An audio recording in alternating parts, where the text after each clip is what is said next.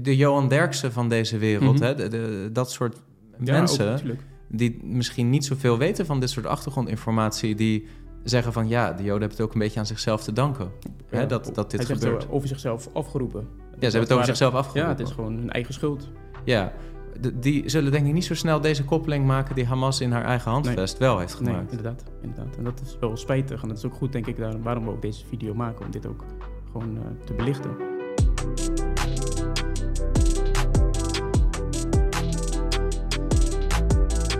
God zegen allemaal. Welkom weer bij een nieuw tafelgesprek met eh, Rick van Gedachtegoed. Een YouTube-kanaal wat zich vooral bezighoudt met de islam.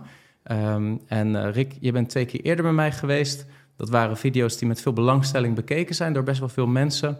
Ehm, en daarom leek het me goed om gewoon weer eens een gesprek te hebben over de islam. En dat te doen met name met oog op de gebeurtenissen van de laatste tijd in Israël, Palestina, de oorlog die daar eigenlijk is uitgebroken. Ja. Ehm, dus welkom, dankjewel. Dankjewel voor de uitnodiging. En, Ja. ja. ja, inderdaad. De, de actualiteiten, die, eh, de, het nieuws staat er vol mee. De social media, de, de reguliere media.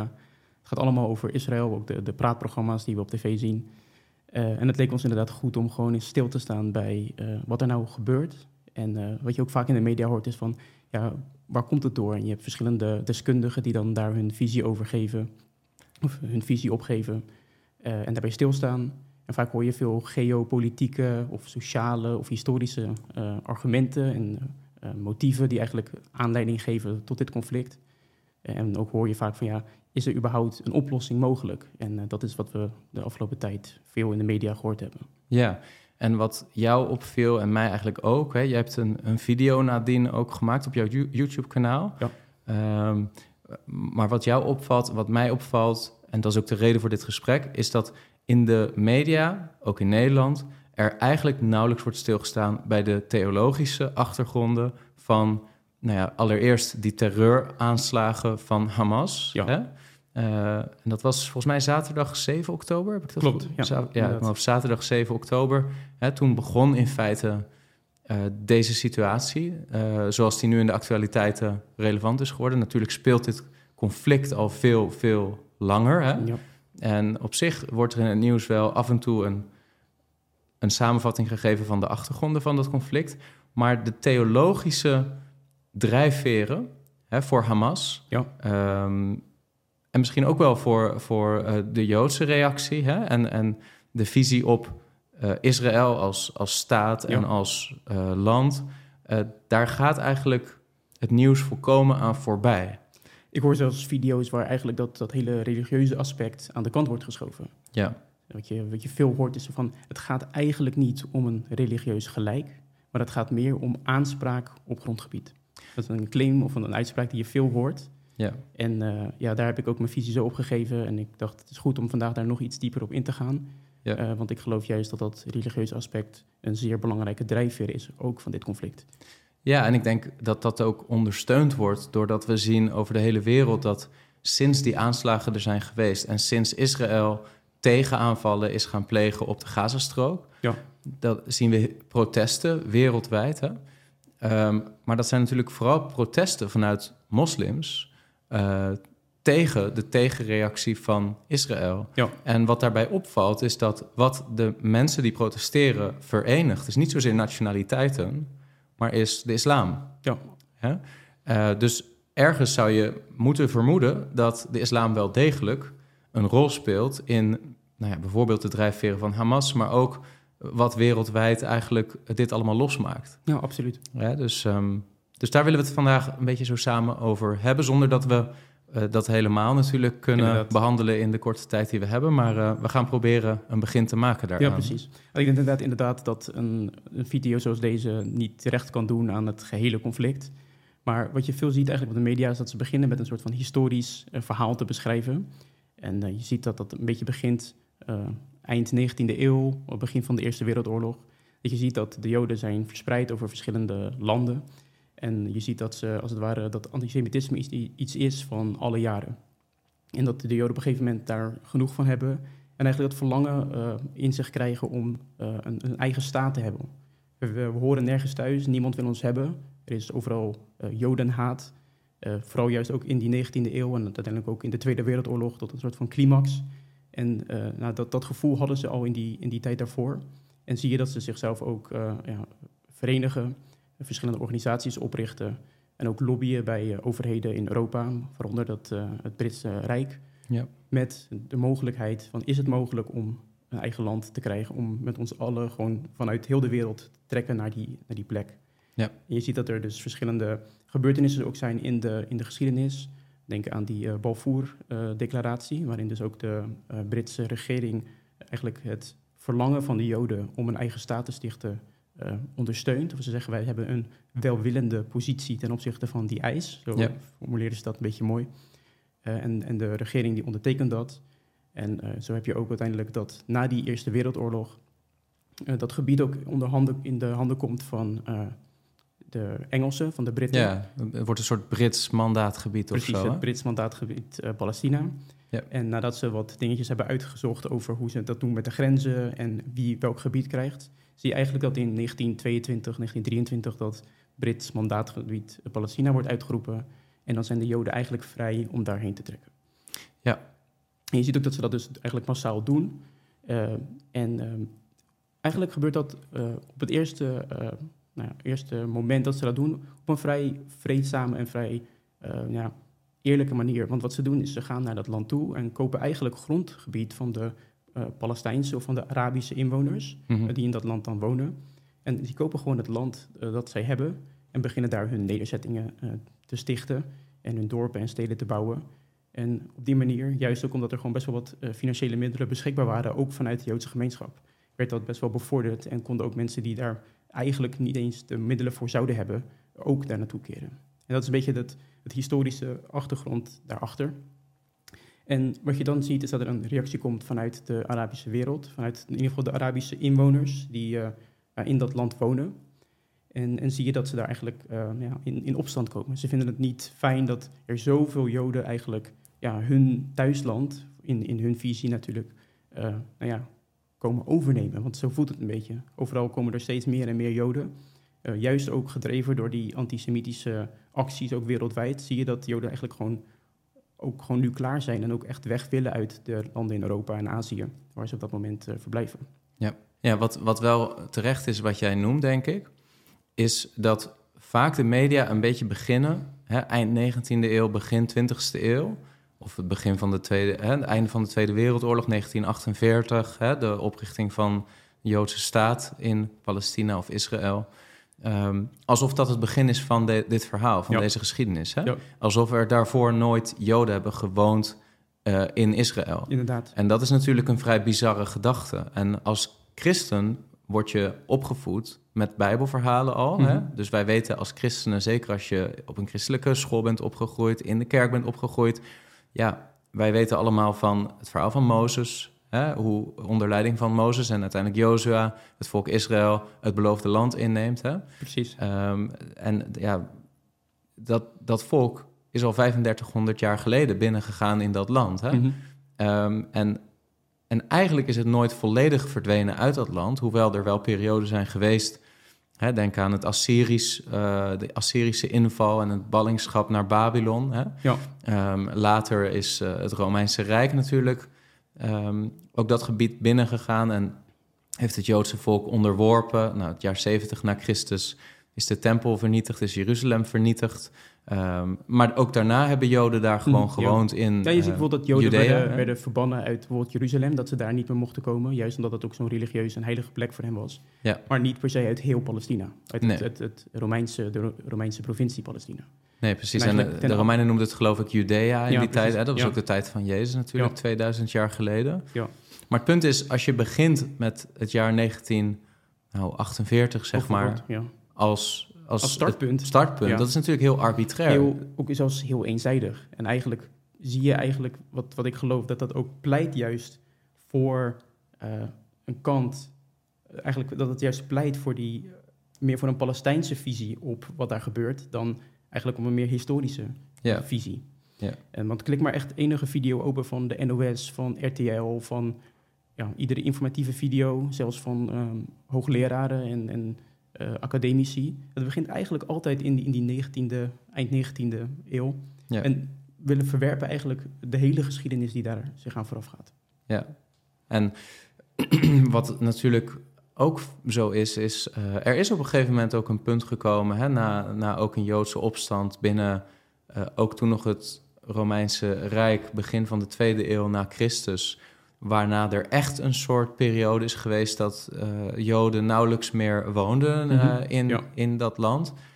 ik weet niet precies hoe, hoe die geschiedenis is gelopen sindsdien, maar pas ja, rond de zevende eeuw na Christus beginnen moslims natuurlijk op te komen. Hè? Heb je ja. de tijd van de islam die begint. Ja, precies. Um, en ja, ook, ook de vele eeuwen daarna zijn er verschillende partijen geweest die een claim hadden op dat landgebied. Hè? Ja.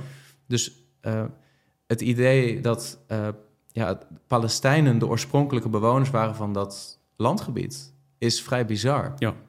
ja en, misschien kunnen we daar ook even op, op inzoomen. Ja. Want uh, wat je ziet is dat um, we eigenlijk ons moeten afvragen van wat is een Palestijn?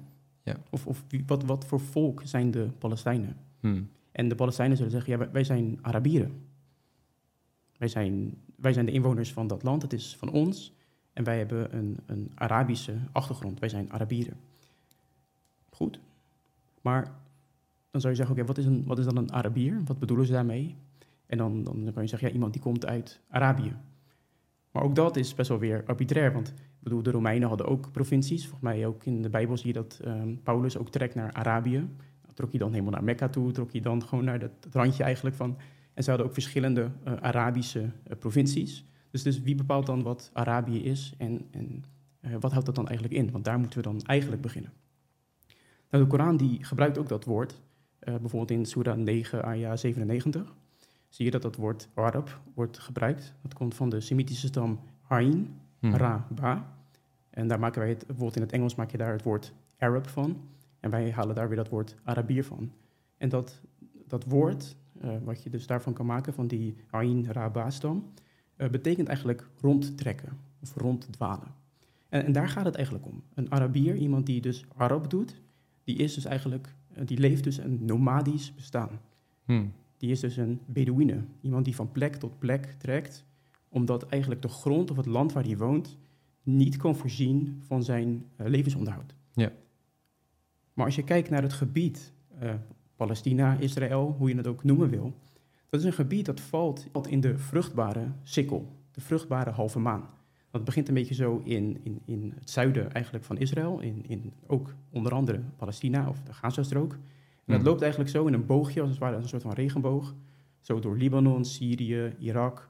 Uh, denk ook aan Mesopotamië, denk ook aan de Hof van Ede. Dat hele gebied was zeer vruchtbaar. En ook gezegend, uh, geloof ik. Ja. En, en dat is ook waar mensen dus landbouw konden bedrijven. Waar mensen dus eigenlijk op een plek konden blijven... en waarin de grond van hun levensonderhoud uh, voorzag. Dat is niet zo. Dus dat eigenlijk de tegenstelling die je dan hebt... is dat is niet zo met de mensen die dus een Arab zijn dat zijn mensen die moeten rondtrekken. Dus eigenlijk, historisch gezien, zijn dat dus bijvoorbeeld gebieden zoals Mejen, dat is eigenlijk het huidige Oman en Verenigde Arabische Emiraten. Of het land Midian, dat we misschien ook wel kennen, hm. een beetje noord, uh, noordwest, Saoedi-Arabië. En ook uh, de islam zelf beschrijft ook een, een land, dat noemen zij Hart. Dat is uh, het gebied een beetje wat zuidelijker in, in het huidige Saoedi-Arabië. En dat zijn de gebieden waarvan zij zeggen dat zijn Arabs, dat zijn uh, Arabieren.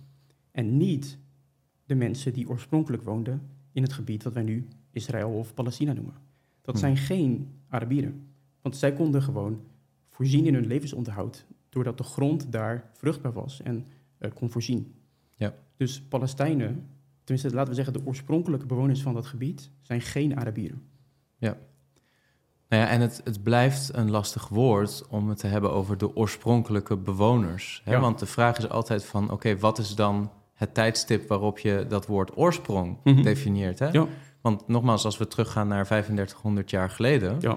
dan, ja, dan kan volgens mij nog de moslim, nog de jood, nog de christen op basis van de oud-testamentische geschriften Ja. iets anders concluderen dan dat God dat land heeft gegeven aan het nageslacht van Abraham. Amen.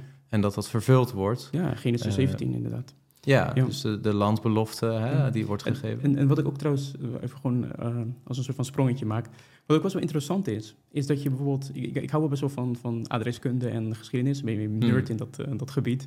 Maar wat je ziet, dat de oorspronkelijke naam van... eh, de, eh, de officiële naam van bijvoorbeeld Egypte... is vandaag de dag de Egyptische Republiek... De, sorry, is de Arabische Republiek Egypte. ah ja.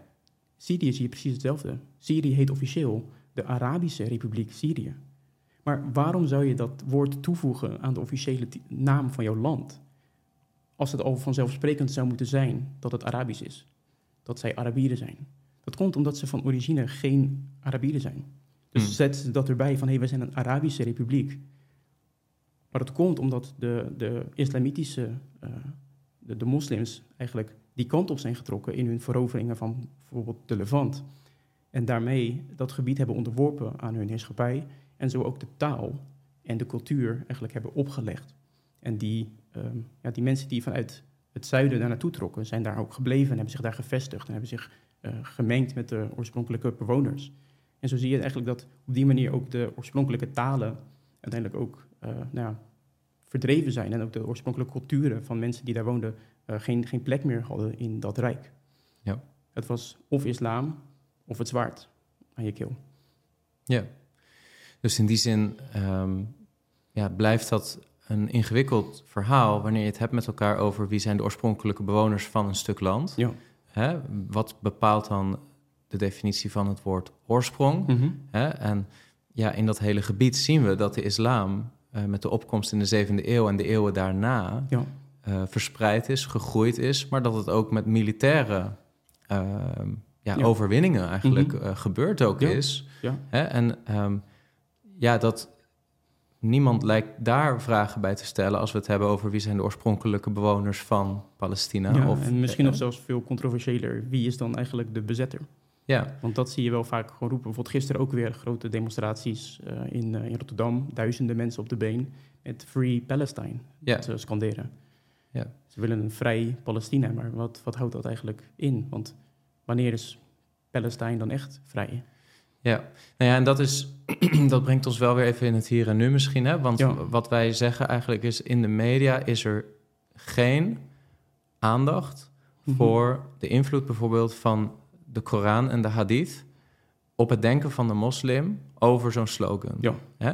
Het wordt allemaal geframed alsof ja, hier sprake is van een sociaal conflict, alsof hier oneenigheid is over hoeveel land de ene partij krijgt versus hoeveel land de andere partij krijgt. Ehm, en alsof het alleen maar gaat over misstanden uit het verleden. Mhm.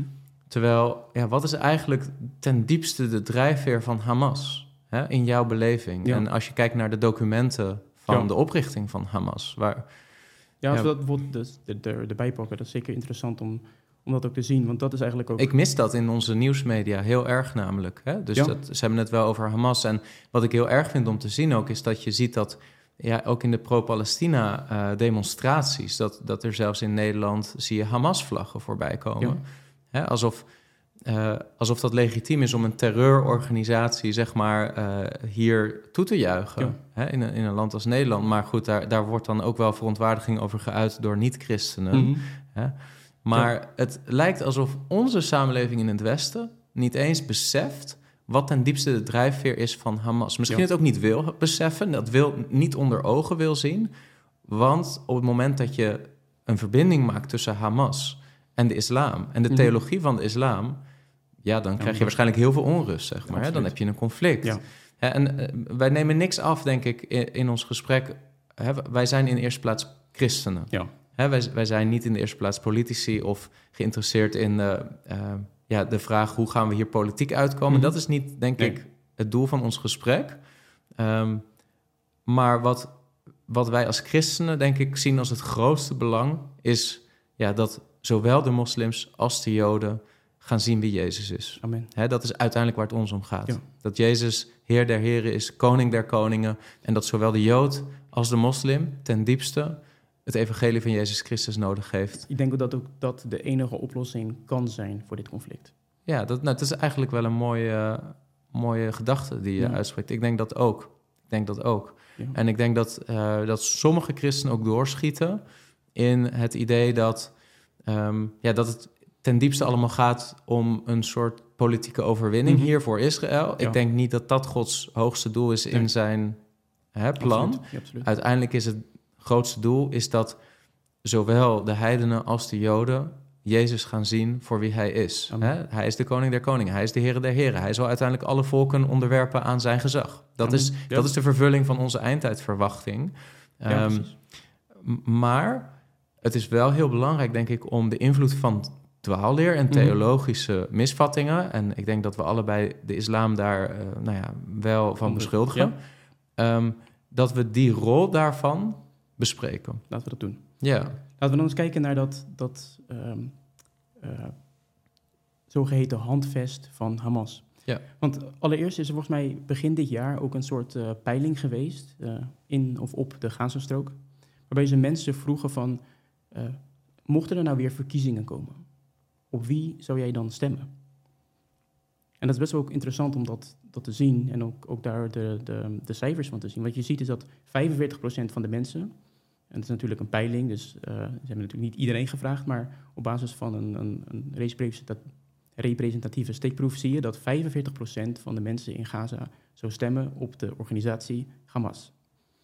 En voor mij 28% zou dan op die Fatah-organisatie stemmen. En dat zijn eigenlijk de twee grootste de bevindingen van dat, van dat onderzoek of van die peiling. Dus je ziet wel dat er toch best wel een grote steun is vanuit Gaza, ook voor deze partij. En natuurlijk hebben wij ook binnenkort eh, verkiezingen. En dan zie je dat er vaak mensen, dat de partijen hun eh, verkiezingsprogramma eigenlijk eh, ze naar voren schuiven van dit is waar wij voor staan, dit is wat wij eh, gaan doen en dit zijn onze ja, doelen, idealen en eigenlijk waar wij eh, ja, voor gaan pleiten en voor gaan werken in een Tweede Kamer. Maar toen leek het me ook wel goed om eigenlijk naar dat eh, verkiezingsprogramma van Hamas te kijken. Hamas heeft in 1988 dat zogeheten handvest ehm, geschreven, waarin ze eigenlijk hun eh, idealen en hun eh, punten op papier zetten en eigenlijk beschrijven waar ze voor staan. Het is wel goed om te noemen dat ze daarbij een hele hoop aya's citeren en beroepen doen op de Koran. Hè? Absoluut. Dus dat de Hamas eigenlijk heel erg theologisch gemotiveerd is in Absoluut. hun handvesten. Ja. In hun, in hun artikel 1 zie je dan ook het programma, dus ons programma, is islam. Dus wat wij willen opleggen, wat wij willen bereiken, is datgene wat de islam leert. En daaraan willen wij de mensen onderwerpen. En zo wil, moet onze samenleving, wereldwijd zelfs, eh, eruit zien. Hm. Maar voor nu het gebied wat wij dus Palestina, of zij dan Palestina noemen. En, en wat je ziet is ehm, dat, dat mensen dan zeggen, ja maar dat, dat terrorisme, dat, dat heeft toch niks met de islam te maken? Dat moet je toch los van elkaar zien? Dat zijn doorgedraaide, radicale moslim-fundamentalisten die op een of andere manier een versje ergens op een zo'n danig manier lezen dat ze tot deze ehm, conclusies komen. Maar ik denk, en dat is best controversieel, dat je die twee niet los van elkaar kan zien. Hm. En eh, bijvoorbeeld in hun voorwoord dan zeggen ze... eh, Israël zal opkomen en zal overeind blijven... totdat de islam het elimineert. Net zoals die de voorgangers ervan heeft geël- geëlimineerd. Ja. En dat is een citaat van eh, Hassan el-Banna. Dat, is een, eh, dat is de oprichter van de Egyptische terreurorganisatie... de Moslimbroederschap. En daarvan is Hamas dus ook een dochter... Organisatie. dochterorganisatie. Ja. Die vallen onder dus die moslimbroederschap, eh, die dus in Egypte heeft huisgehouden een, tijd geleden. En, en wat je ziet is dat, ehm, dat is ook bijvoorbeeld ook een, een van de vragen die ook heel veel van de media ziet. Ja, maar Egypte zijn toch ook moslims? Dus bedoel, ze kunnen toch makkelijk die grens open doen en dan kunnen ze eigenlijk best wel bijdragen aan, aan de, de veiligheid eh, en aan, de, ja, aan een gecontroleerde ehm, vluchtelingenstroom eh, uit de Gazastrook. Maar wat je eigenlijk ziet is dat in Egypte de huidige president, eh, dat is, ehm, nu is dat eh, president eh, El-Sisi, die was voorheen de generaal onder ehm, de leider van de moslimbroederschap. Die was tot en met 2013 ook de president daar. Die is toen afgezet. En wat je eigenlijk ziet is dat, dat daar ook onderling al spanningen zijn. En dat zij ook bang zijn dat als Hamas Israël binnenkomt, dat zij eigenlijk weer proberen om die moslimbroederschap weer aan de macht Als ze. Egypte binnenkomen. Ja, Als de Hamas Egypte binnenkomt. ja, dus, allemaal- eh, dat, ja, dus dat er daar mensen steun gaan vinden. Want kijk, ja, jullie president, eh, Egypte, die doet, die doet niks. Kijk, die laat toch, eh, Dus dan kunnen ze heel veel onrust gaan zaaien. En zijn ze ook weer bang voor aanslagen, et cetera, et cetera. Ja. Dus ze willen eigenlijk die, die, die Hamas willen ze eigenlijk buiten de deur houden. Dus ook, dat is ook een van die redenen waarom je ziet dat die grens eigenlijk ook gewoon dicht is. Want ze willen eigenlijk niet hun rivaliserende eh, partij helpen. En, en dat is eigenlijk waar wel waar het vandaan komt uit Egypte, is daar is die organisatie opgericht. Ja. En dan zie je dus in, in eh, artikel 13, eh, zie je dan ook dat er staat, er is geen oplossing voor het, Pala- voor het Palestijnse probleem dan jihad. Ja. Dus dan die, die heilige oorlog, dan strijden tegen de ongelovigen. Je ziet wel dat er veel ehm, ja, moderne westerse moslims jihad definiëren als eh, niet een militaire strijd of een fysieke strijd, maar meer een soort heiligingsstrijd. Hè, van strijden tegen je vlees of je zondige begeerten. Ehm, dat is zeker niet hoe Hamas dat in hun artikel bedoelt, denk ik. Nee, absoluut niet. Er is voor mij ook een, een en ik eh, moet hem een beetje pa- parafraseren, maar waar, waar het daarover gaat, is dat Mohammed eigenlijk zegt van, je moet eerst strijden met je hand. Strijden met eh, je gewoon wapens en, en middelen. Als je dat niet kan, eh, strijd dan met je mond. Dus doe dan protest.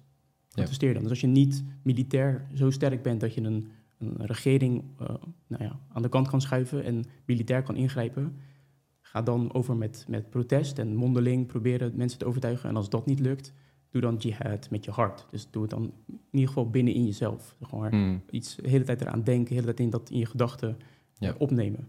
Maar uiteindelijk zegt Mohammed wel, het eerste punt is gewoon probeer zo sterk mogelijk te worden. Zodat je ook militair eh, kan ingrijpen. Ja. En hen kan onderwerpen. Maar Ja, dus dat is wel goed om te beseffen. In de islam, het is niet zo dat er geen ambitie is om op een gegeven moment ook po- politieke macht te hebben in Nee, een land. Hè. Dat is heel erg intrinsiek aan elkaar verbonden. Mhm. Het idee dat je met moslims eh, ook op een gegeven moment steeds meer invloed krijgt in een land en op een gegeven moment ook dat dat een islamitisch land wordt. Hè. Ja. Dus het is niet zoals dat veel westerlingen denken of misschien Nederlanders in liberale democratische samenlevingen van hé, hey, we coexisteren zeg Mhm. maar in harmonie en vrede en Ja. eh, ieder zijn mening of zo. Dat is, ja, dat is niet het idee van de islam. Nee, Hè? absoluut. En, het- en los van wat je daarvan vindt. hè? Mhm. Ehm, maar dat is wel belangrijk om daar niet al te naïef in te staan, denk ik.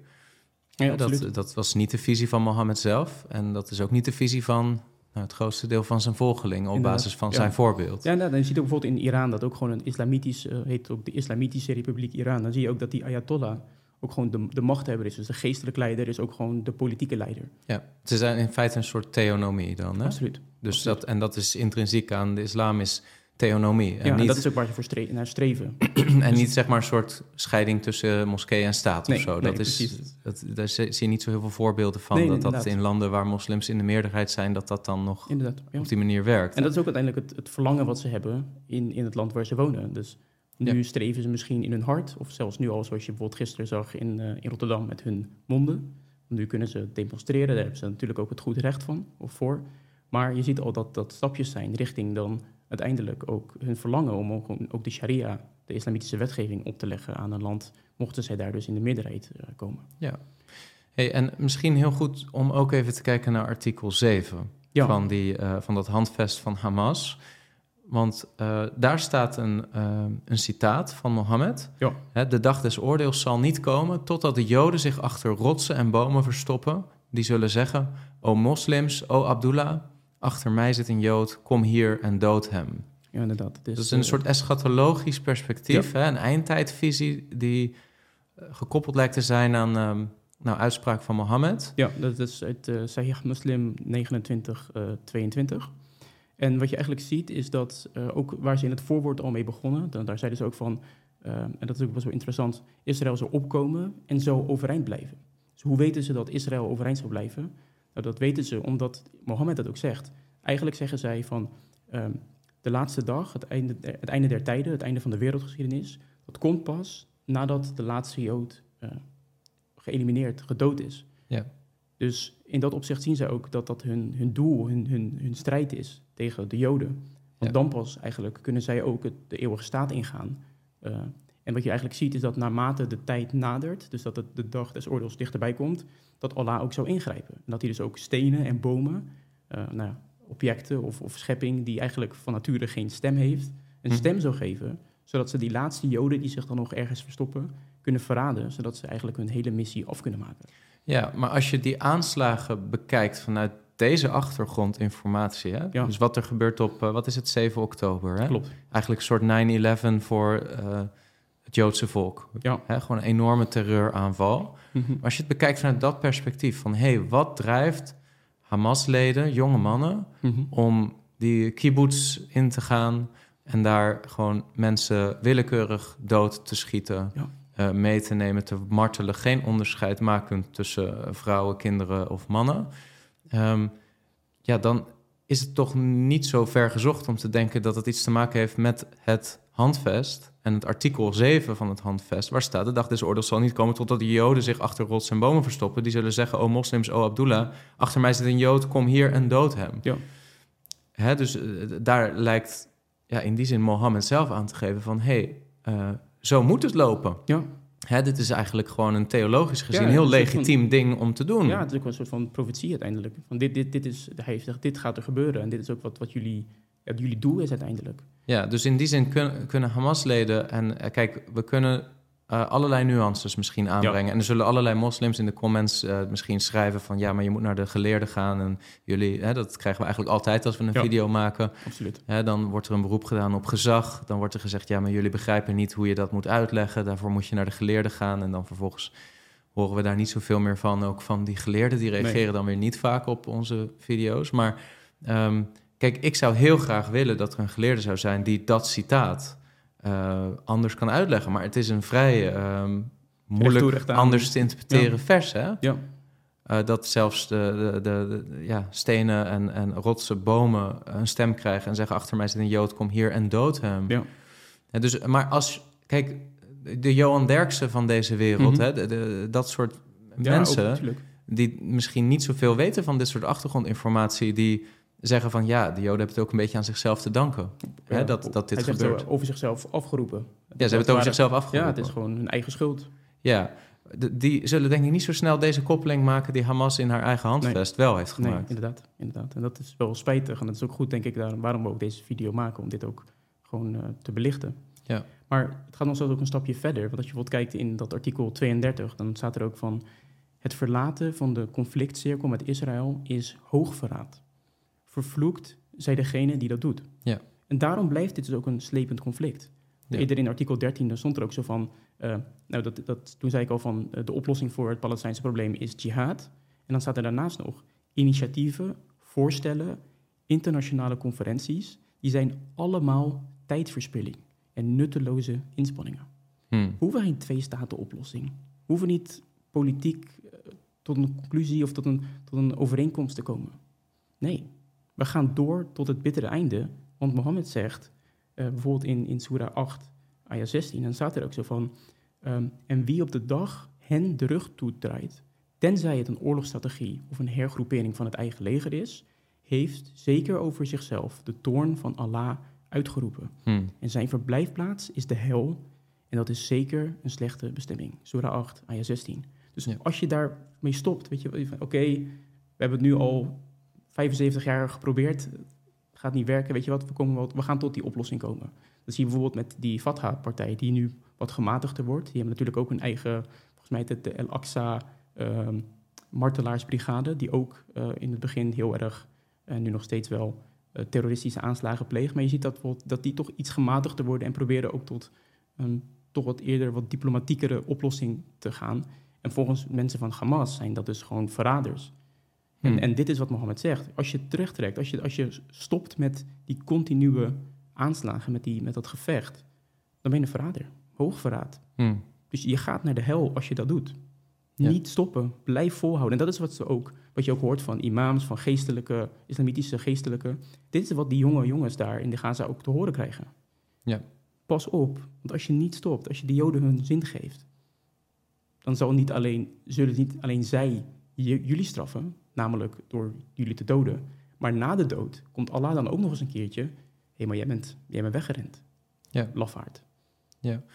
En zou dat ook eh, kunnen zijn wa- waarom je ziet dat niet iedereen in de Gazastrook, als het Israëlisch leger flyers uh, uitstrooit hè, van evacueer, ga naar het zuiden toe. Ja. Even los van wat je daarvan kan vinden, Mhm, zeg maar. Hè? mhm. Het is een heel dicht bevolkt, heel klein gebied. Ja.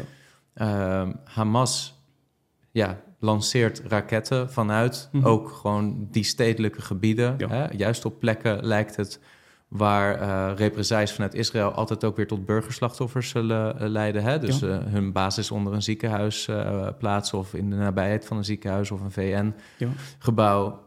Ja. eigenlijk eh, burgerbevolking gebruiken als menselijk schild, hè? wat ook ingaat tegen internationale oorlogswetgeving. ja, daar moeten we ook niet gewoon omheen draaien. Dat is gewoon... Ja, dat, dus, en vervolgens wanneer er dan eh, toch weer tegenaanvallen komen... zich ook weer verschuilen achter het feit dat er burgerslachtoffers zijn gevallen... terwijl zij geen zichtbare inspanning hebben gedaan om dat te voorkomen. Mhm. Sterker nog, daarop aangestuurd hebben. Ja, ja je hoort Zodat er weer dat ze, dat ze zeg maar zeggen van blijf hier niet gaan. Dat ze mensen tegenhouden juist die willen vluchten. Ja, dat, en, maar dat lijkt dan ook verbonden aan dat artikel 32 van Hamas. hè. Het verlaten van de conflictcirkel met Israël is hoogverraad, vervloekt zij degene die dat doet. Ja. Dus de visie is ehm, uiteindelijk van ja, we moeten voorwaarts gaan. Hè, we moeten uiteindelijk dat hele grondgebied. Want uiteindelijk het lastige van die twee statenoplossing, voor zover ik het begrijp, is dat Israël helemaal geen onderhandelingspartner heeft. Omdat uiteindelijk ja, de Hamas niet geïnteresseerd is in een twee-staten-oplossing. En dat zie je ook al in dit handvest. De visie van Hamas is dat uiteindelijk alle Joden dood zijn en weg zijn uit dat gebied. Ja. En dat het gewoon een een en al islamitisch gebied zal, zal zijn weer. Hè? Klopt. Maar wat wel, en dat is ook waar ik dan nog even ook theologisch op wil aanhaken, is dat ze wel één ding vaak vergeten. Hm. Want het geweld eh, tegen de Joden en het, en het, het doden van die Joden eh, en de rechtvaardiging daarvan ook in de islamitische bronnen, dat is, dat is één ding. En daar kan je zeker ook eh, bronnen bij op naslaan. Maar dat land is, zou ik zeggen, staat daar eigenlijk gescheiden van. Hm. En dat is iets wa- wat je ook niet zo vaak hoort, ook niet terugziet in zulke handvesten. Eh, omdat zij geloven dat dat eh, hand in hand gaat. Maar wat je ziet is dat, en ik geloof dat, dat Mohammed in zijn tijd veel joods-christelijke bronnen overnam. Ik geloof dat een grote gedeelte van de Koran eigenlijk een soort eh, kopie zijn van wat hij hoorde om zich heen, van joden, van christenen, van anders gelovenden. Hm. En dat hij dat opnam en eigenlijk uitgaf alsof het Allah was die dat openbaarde Hm. met de bedoeling om christenen en joden ehm, te charmeren, oftewel, of, of zeg maar eigenlijk zijn legitimiteit aan te tonen. Ja. Ja, ja, klopt, dat, dat heb ik ook, dat, dat geloof ik ook. Dat heeft Allah tegen mij verteld. En hij wilde eigenlijk bewijzen dat hij de volgende profeet zou zijn. Dat ze in Mm, hem zouden mm. geloven. En ik geloof dat, dat hij daarmee ook een aantal keer wat dingen eh, openbaart die eigenlijk in dit conflict in ieder geval eh, tegen hem werken. Wat je bijvoorbeeld ziet, is in eh Surah 5, ah ja, 19 tot en Mhm. met 26. Ja. Nou, als je zeg maar, eigenlijk Surah 5 begint, dan zie je eigenlijk dat moment als het ware een discussie heeft met Joden en christenen. En die worden in de Koran vaak de mensen van het boek genoemd. En, en wat je ziet is dat hij eigenlijk zegt van ja maar, ja maar, ja maar. Je hebt, de punten die je maakt kloppen, maar, en dan gaat hij verder om eigenlijk zichzelf te legitimeren van ja maar, ehm, ja maar dit, ja maar dat. En hij probeert ze eigenlijk als het ware met argumenten onderuit te halen eh, en probeert zo zichzelf naar voren te schuiven.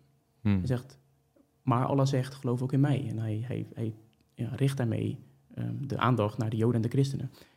En dan probeert hij natuurlijk wel nog steeds eh, common ground te vinden tussen eh, wat hij eigenlijk nu al heeft opgebouwd als de Koran, als de dingen die hij al geopenbaard heeft, en wat de Joden en christenen geloven. En hij probeert als het ware overeenkomsten te vinden. En dan zegt hij dus in, in Surah 5, eh ayah 19, O mensen van het boek, nu is tot jullie onze boodschapper gekomen. Dus hij zegt van ja, tuurlijk, je hebt de profeten van voorheen, maar nu is het aan Mohammed. Eh, en hij maakt duidelijk voor jullie, na een onderbreking in de, in de opvolging van boodschappers, ja, er is een tijd gekomen dat er geen boodschappers waren, maar nu is de laatste profeet, namelijk Mohammed. Zodat jullie niet zeggen, tot ons kwam geen brenger van goed nieuws en geen waarschuwer. Nee, nu is Mohammed dus gekomen. Maar nu is tot jullie een boodschapper van het goede nieuws gekomen, namelijk Mohammed. En Allah is tot alles in staat. En dan zegt hij, en gedenk dat Mozes tot zijn mensen zei, O mijn volk, gedenk de gunsten die Allah jullie heeft gegeven, toen hij de profeten onder jullie voortbracht en onder jullie koningen aanwees. En hij gaf jullie wat hij niet aan anderen van de wereldwezens heeft gegeven. Wat dan? O mijn volk, ga het heilige land binnen van Allah, wat Allah aan jullie heeft toegekend. En keer niet terug. Dit zegt hij tegen de Joden, want hij zegt eerder: gedenk toen Mozes tot zijn mensen zei. Mhm. Wie zijn de mensen van Mozes? Dat is het volk Israël. Mhm. En tegen hem zegt hij: ga het heilige land binnen. Ga het land Canaan binnen. En later zie je ook dat bijvoorbeeld in, eh, in vers 23 zie je dan ook twee mannen van hen die vreesden, die Allah dus vreesden, aan wie Allah zijn gunst had gegeven, zeiden, et cetera, et cetera. Maar dat gaat dan dus ook over Jozua en Caleb, die we ook al aan het begin van deze video eh, even kort noemden. Ja. Dus, dus diezelfde bijbelse of Joods, bijbelse, eh, Joods-christelijke geschiedenis zien we ook in de Koran terugkomen. Ja, de, de Koran geeft legitimiteit aan de oud-testamentische geschriften en de openbaring rondom Israël hè, en Ja. het Joodse binnengaan in het beloofde land. Ja, En dat roept bij mij in elk geval heel veel vragen op van Ja. hoe kunnen ze nou nu claimen dat het Joodse volk geen enkele aanspraak heeft op dat land, ja, terwijl hun profeet bevestigt de oud-testamentische geschiedenis van het volk Israël in dat land. ja. Dat is natuurlijk een enorme contradictie. Hè? Ja. En heb jij zelf enig zicht op hoe moslims daarop reageren? Of wat hun verdediging daarvan is? Of, of wordt dit gewoon onder het tapijt geveegd? ja ik, ik merk niet gewoon vaak dat laatste. Ja. Maar ehm, ja, Maar misschien dat er ook veel moslims zijn die, die niet goed doorhebben dat hun eigen geschriften, hè, en lees Surah 5, de versen die wij net eh, doorlezen, dat die eigenlijk bevestigen wat de oud-testamentische geschriften al zeggen hè, over Mozes, Ja. Jozua, het binnengaan Mhm. van het volk Israël in het beloofde land. En dat Mohammed zelf eigenlijk bevestigt van ga daar binnen. Ja, ja je, je, wat je wel ziet is dat ze proberen te zeggen van dat is maar voor een beperkte periode. Eigenlijk totdat, er, totdat Jezus komt en natuurlijk komen dan de christenen. Ja. En, eh, Maar dat zie je niet dan doorvloeien in hun politieke lijn van redeneren. Nee. Want dan zouden ze niet moeten zeggen: hé, hey, eh, er is een bezetter gekomen en eh, iemand die geen enkele aanspraak heeft op dit stuk land. Mhm. Dan moeten ze zeggen: wel, eigenlijk is het Joodse volk wel de bewoner van dit land, mhm. maar dat is nu niet meer zo. Dat is veranderd. Allah heeft het nu gegeven aan de Palestijnen. ja. Maar dan zouden ze wel moeten aantonen waar dat dan ook staat in de Koran. Ja, en dat, dat staat er denk ik niet. Nee. Maar dat vraagt ook gewoon een eerlijke reflectie. Ja. want het is nogal een pragmatische argumentatie die we vaak zien van onze moslimvrienden. Ja. Van ja, eh, Israël is een illegitieme staat die in de jaren 40 van de 20e eeuw is opgericht. En Mhm. eh, Palestijnen zijn verdreven uit hun eigen gebied. Hè? Maar wij horen niet zo echt een antwoord op de vraag...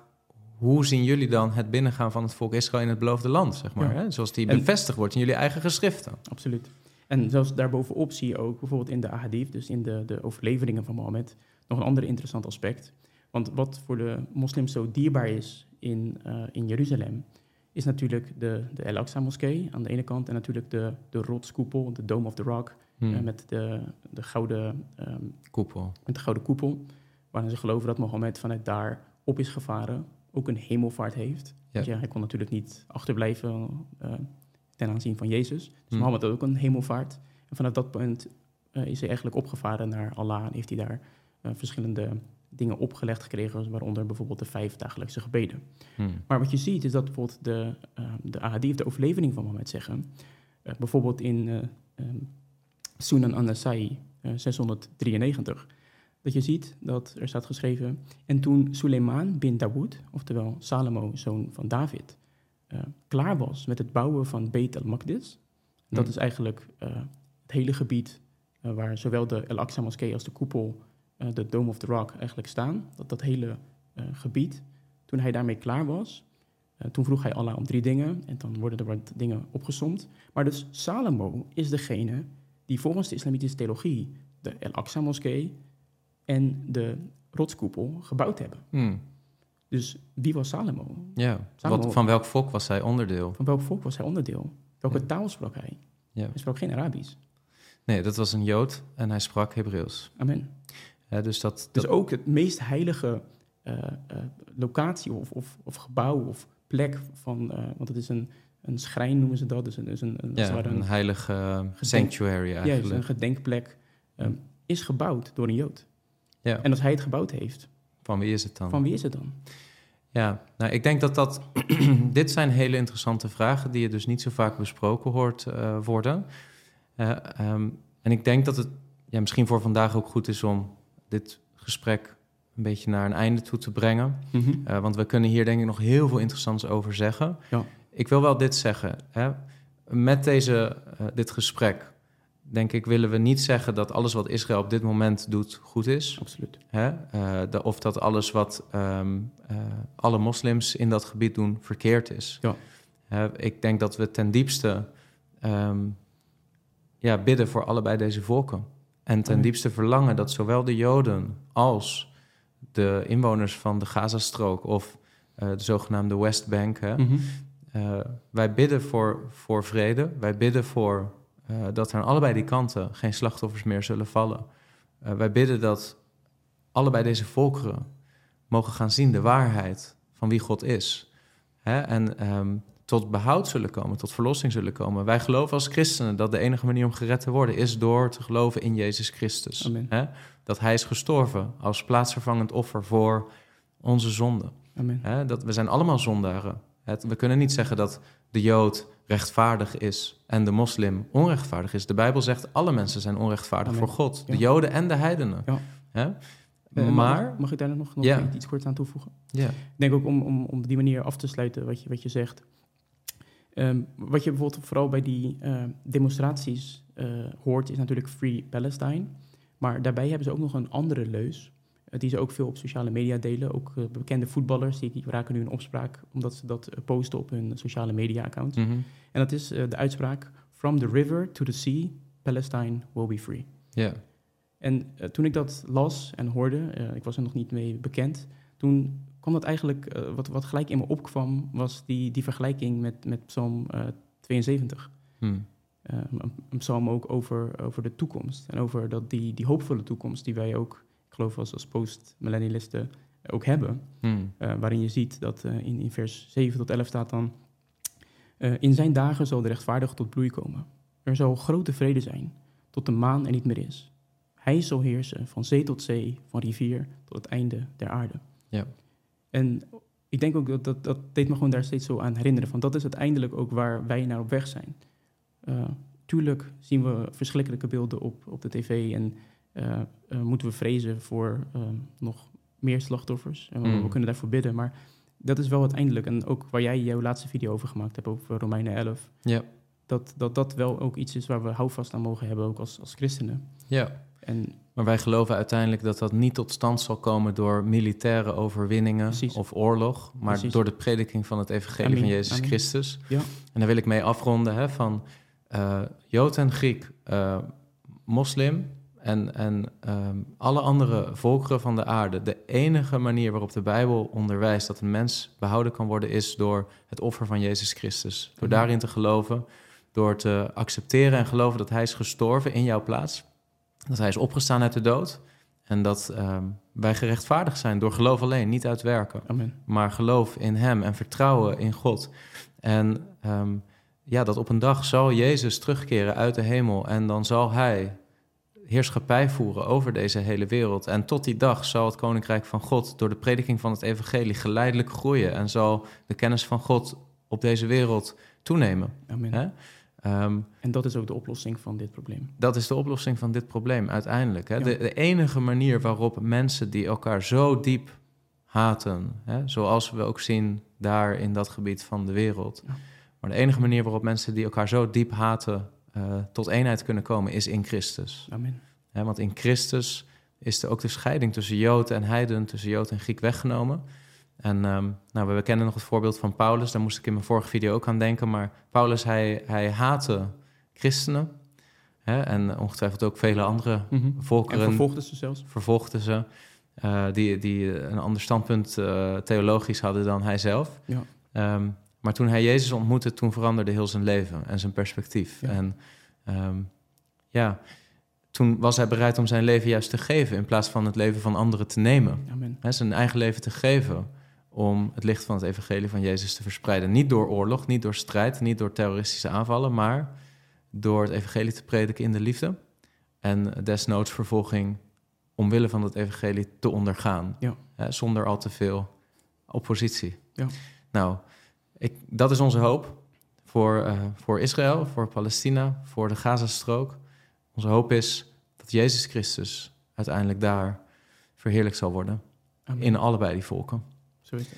Oké, nou wellicht Rick spreken we hier nog over verder. Ik denk dat dit een gesprek is, een onderwerp is wat heel relevant is. Ik denk dat we het ook nog totaal niet eh, behandeld hebben in de diepte en de rijkwijde die we hadden kunnen kiezen voor dit gesprek. Maar om het een beetje behapbaar te houden, gaan we het voor vandaag beëindigen. Dankjewel voor je komst. Graag gedaan. En eh, nou, wie weet, volgende week of de week daarna, dat we nog eens een keer een vervolggesprek gaan opnemen. Oké, God zegen. God zegen. Ik hoop dat deze video nuttig was voor jou. Als dat zo is, druk dan op like. En wil je vaker dit soort apologetische video's zien, abonneer je dan op dit kanaal. Tot de volgende keer.